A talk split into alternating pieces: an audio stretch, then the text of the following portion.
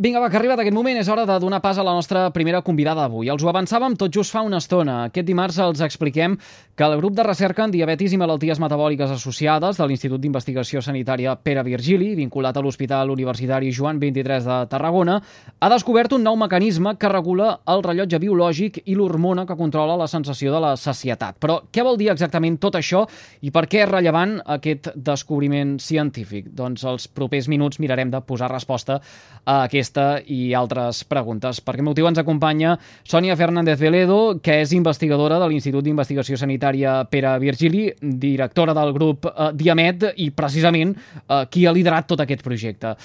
Senyora Fernández Veledo, molt bona tarda i benvinguda al carrer Major de les emissores de la xarxa al Camp de Tarragona. Bona tarda i gràcies per uh, la invitació. Per començar, posem nom i cognoms uh, a tot això que acabem d'explicar. Es tracta d'un avenç científic uh, important. Uh, Expliqui'ns, uh, davant de què ens trobem?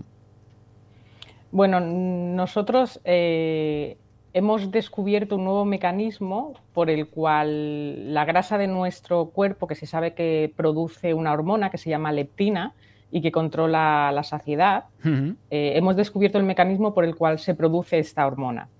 Esto supone un avance científico que creemos que es importante y de hecho por eso creemos que se ha publicado en una revista de alto impacto, porque la leptina se descubrió en los años 90, eh, se descubrió que era producida por la grasa de nuestro organismo y eso fue un, hito y fue un cambio de, supuso un cambio de paradigma porque a partir de ese momento es cuando se considera la grasa que es un órgano endocrino. ¿vale? Cuando nosotros eh, ingerimos alimentos, la grasa de nuestro cuerpo produce esta hormona, la leptina, que manda una señal al cerebro eh, indicando eh, saciedad. Es un freno de, de, la ingesta, que tiene un mecanismo compensatorio que tiene nuestro organismo. ¿Qué pasa en situaciones de obesidad, en las personas con obesidad? Las personas con obesidad producen mucha leptina. Y uno podría pensar que como produce mucha leptina, tienen esta sensación de saciedad pues incrementada, pero esto no es así. De hecho, las personas con obesidad producen mucha leptina, pero se produce lo que se conoce como resistencia a la leptina. ¿Esto qué significa? Que por mucha leptina que haya, el cerebro de estas personas no responde y tienen este freno de la ingesta alterado, no se sacian.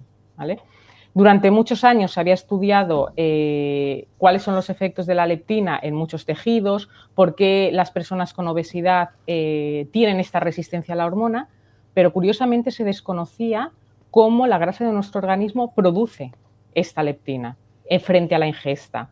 Y nuestro estudio lo que pone de manifiesto es un mecanismo que es dependiente de un metabolito, que es el succinato, eh, que a través de un receptor actúa como una hormona y tras la ingesta está regulando la producción de esta leptina. Y además es que demostramos que en las personas con obesidad este mecanismo está hiperactivado. Y esta es una de las causas por qué las personas con obesidad producen tanta hormona. Hmm. Uh, per tant, a la pràctica uh, hem d'entendre que amb la ingesta d'un tipus d'aliments concrets podem uh, generar uh, aquesta leptina que eh, acaba saciant, en aquest cas, doncs, l'organisme, la persona, eh, un benefici en el cas doncs, d'aquella eh, gent que eh, pugui patir doncs, d'obesitat i sigui molt més difícil de poder-se controlar.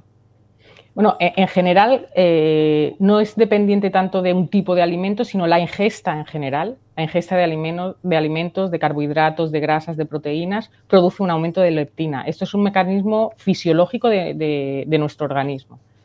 Eh, produce leptina por la grasa. Y es esta leptina la que produce la sensación de saciedad. El problema es que las personas con obesidad, por mucha leptina que tengan, esta sensación no la tienen. Nosotros creemos que como este sistema que nosotros hemos descubierto, que controla la producción de leptina por la grasa, está hiperactivado en las personas con obesidad, si lo conseguimos desactivar y, que haya niveles normales de este metabolito succinato y de su receptor, podríamos conseguir disminuir los niveles de leptina y que las personas con obesidad pudieran recuperar esta sensación de saciedad. Hmm.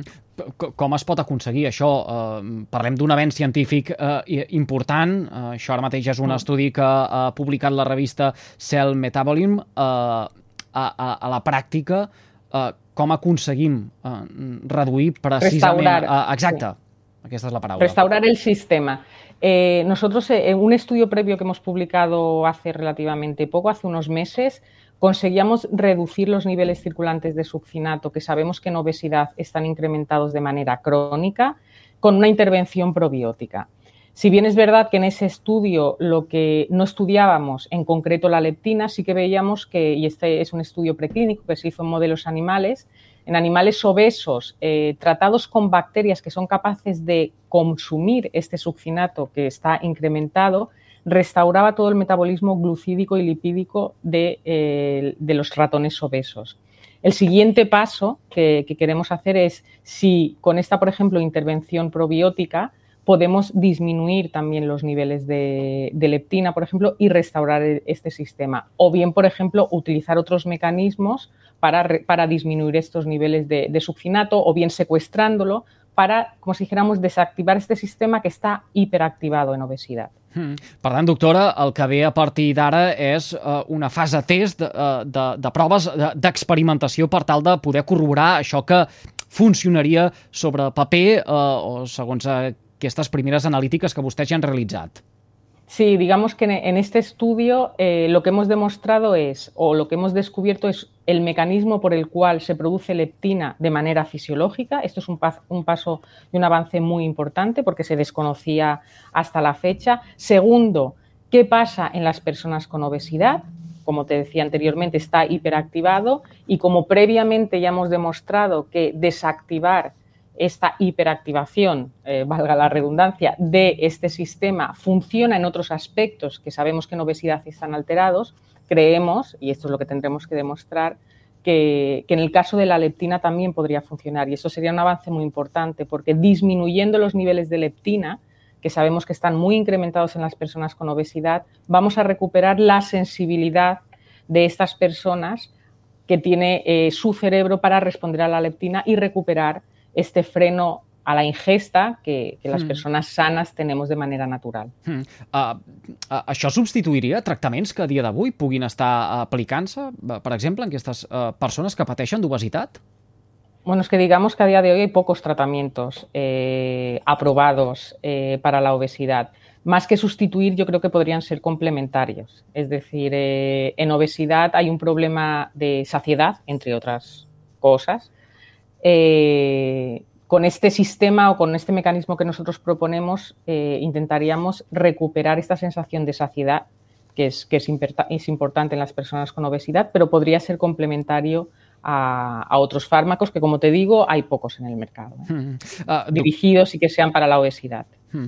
Doctora, uh, explicava que uh, des dels anys 90, quan uh, precisament hi ha aquest descobriment uh, històric de la uh, leptina, uh, fet que suposa també un canvi de paradigma, eh, sí. no hi havia hagut cap altre descobriment o cap altre avenç en aquesta uh, matèria. Acostuma a passar això en la investigació, en l'àmbit de la sanitat, en l'àmbit també uh, uh, uh, alimentari, uh, que uh, costi bueno, tant d'avançar o de fer aquestes petites passes que per la salut uh, són grans avenços?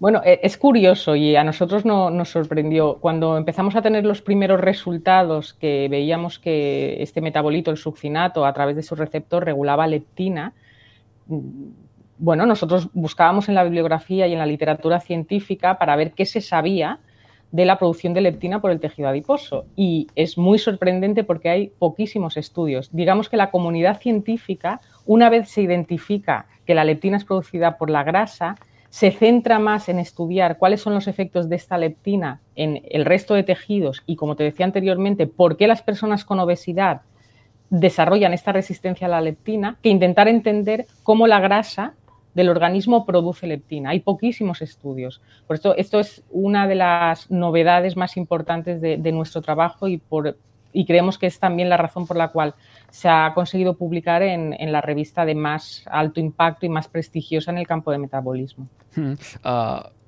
intuïen uh, que, que podien arribar a aquesta uh, conclusió? M'agrada molt de fer aquesta pregunta quan uh, compartim estonetes radiofòniques doncs, amb uh, experts que acaben publicant en aquest cas, doncs, uh, un avenç important.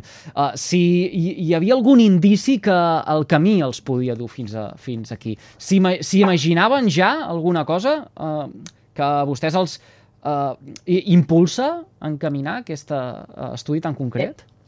Eh, concretamente la leptina, si te soy sincera, eh, no nos esperábamos un efecto tan claro sobre una hormona que controla la saciedad y que ha sido punto de mira eh, en todos los estudios científicos relacionados con obesidad.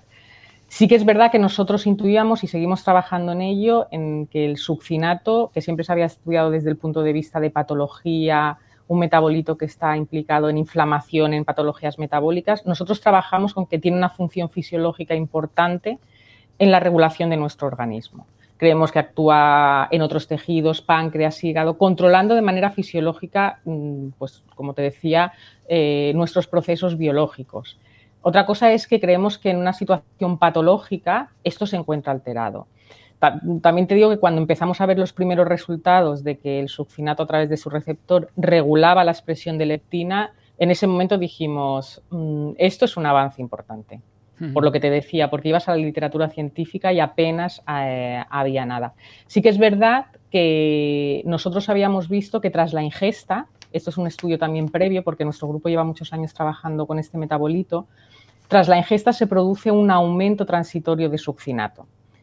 Y nosotros, bueno, nuestra hipótesis es, bueno, si aumenta este metabolito que sabemos que puede actuar como una hormona, alguna función fisiológica tiene que tener. No solo es un componente inflamatorio que está alterado en patología, el hecho de que una situación fisiológica como la ingesta regule este metabolito a nivel circulante significa que tiene alguna función. Hemos empezado con el tejido adiposo, pero también te digo que en el, laboratorio estamos trabajando para intentar entender cuál es la función que tiene en el hígado, en el páncreas, i, i los resultats, la veritat és que són bastant sorprendents. De fet, aquí volia anar, eh, doctora, a, a partir d'ara aquesta investigació, eh, com procedeix? Eh, quina és la propera passa o la propera fita a assolir? Bueno, por un lado, como comentábamos anteriormente, eh, intentar demostrar que disminuyendo los niveles de succinato o restaurando el sistema podemos realmente disminuir los niveles de leptina y esto mejoraría la sensibilidad a la hormona a nivel de, de nuestro cerebro y de la sensación de saciedad.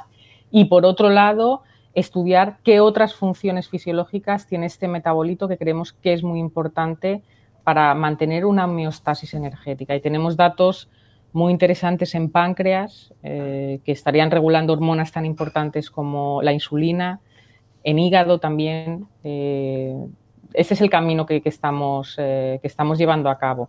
También que hemos visto que este metabolito regula ritmo circadiano y los genes de reloj.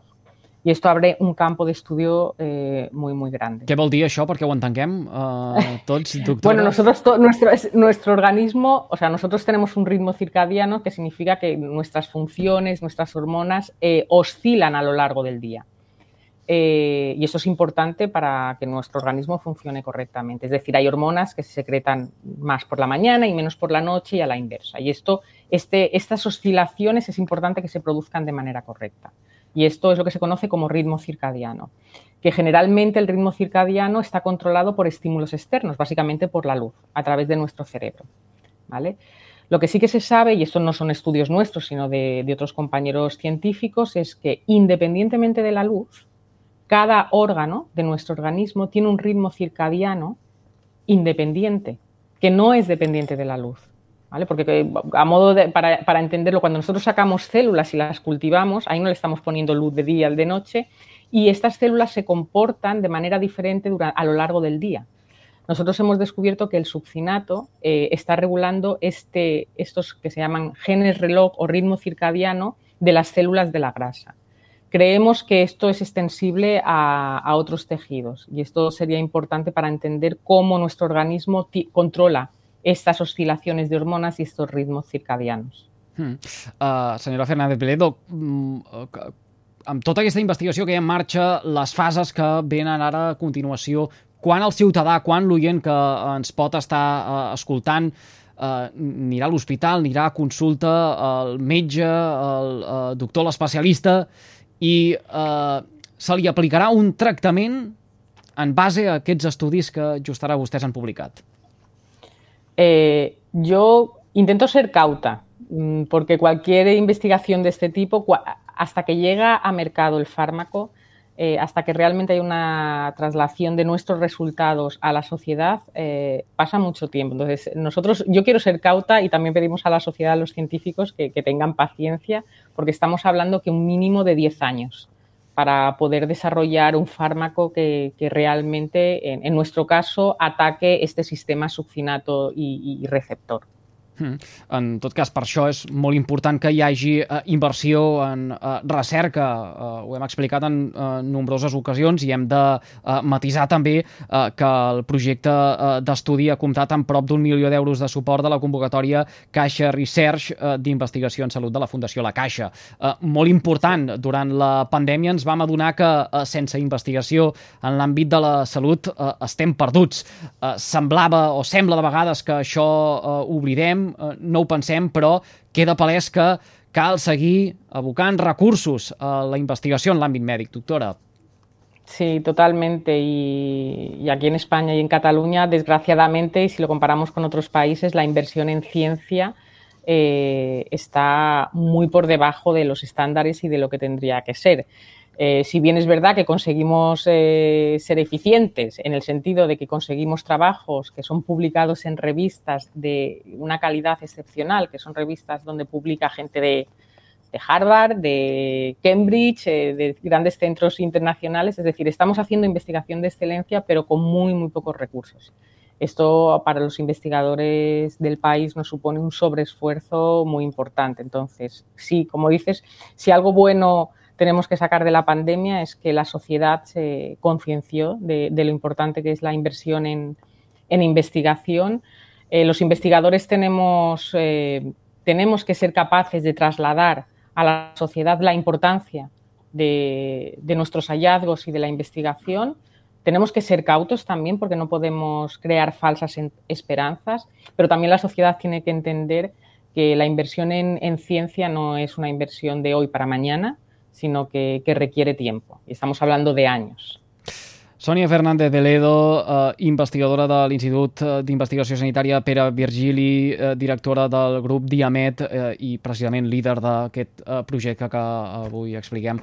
Gràcies per compartir amb nosaltres aquesta soneta en directe al carrer Major de les emissores de la xarxa al Camp de Tarragona. Eh, enhorabona pel eh, descoberta i molts ànims a, a continuar treballant, a seguir avançant. Eh, tant de bo ben aviat puguem eh, a, a arribar ja a les conclusions definitives y ahora que es uh, 10 anyets com passen. Sí, pues gracias a vosotros por hacer eco también de, de nuestra investigación. Que vagi molt bé. Bona tarda. Gracias. Bona tarda, gràcies.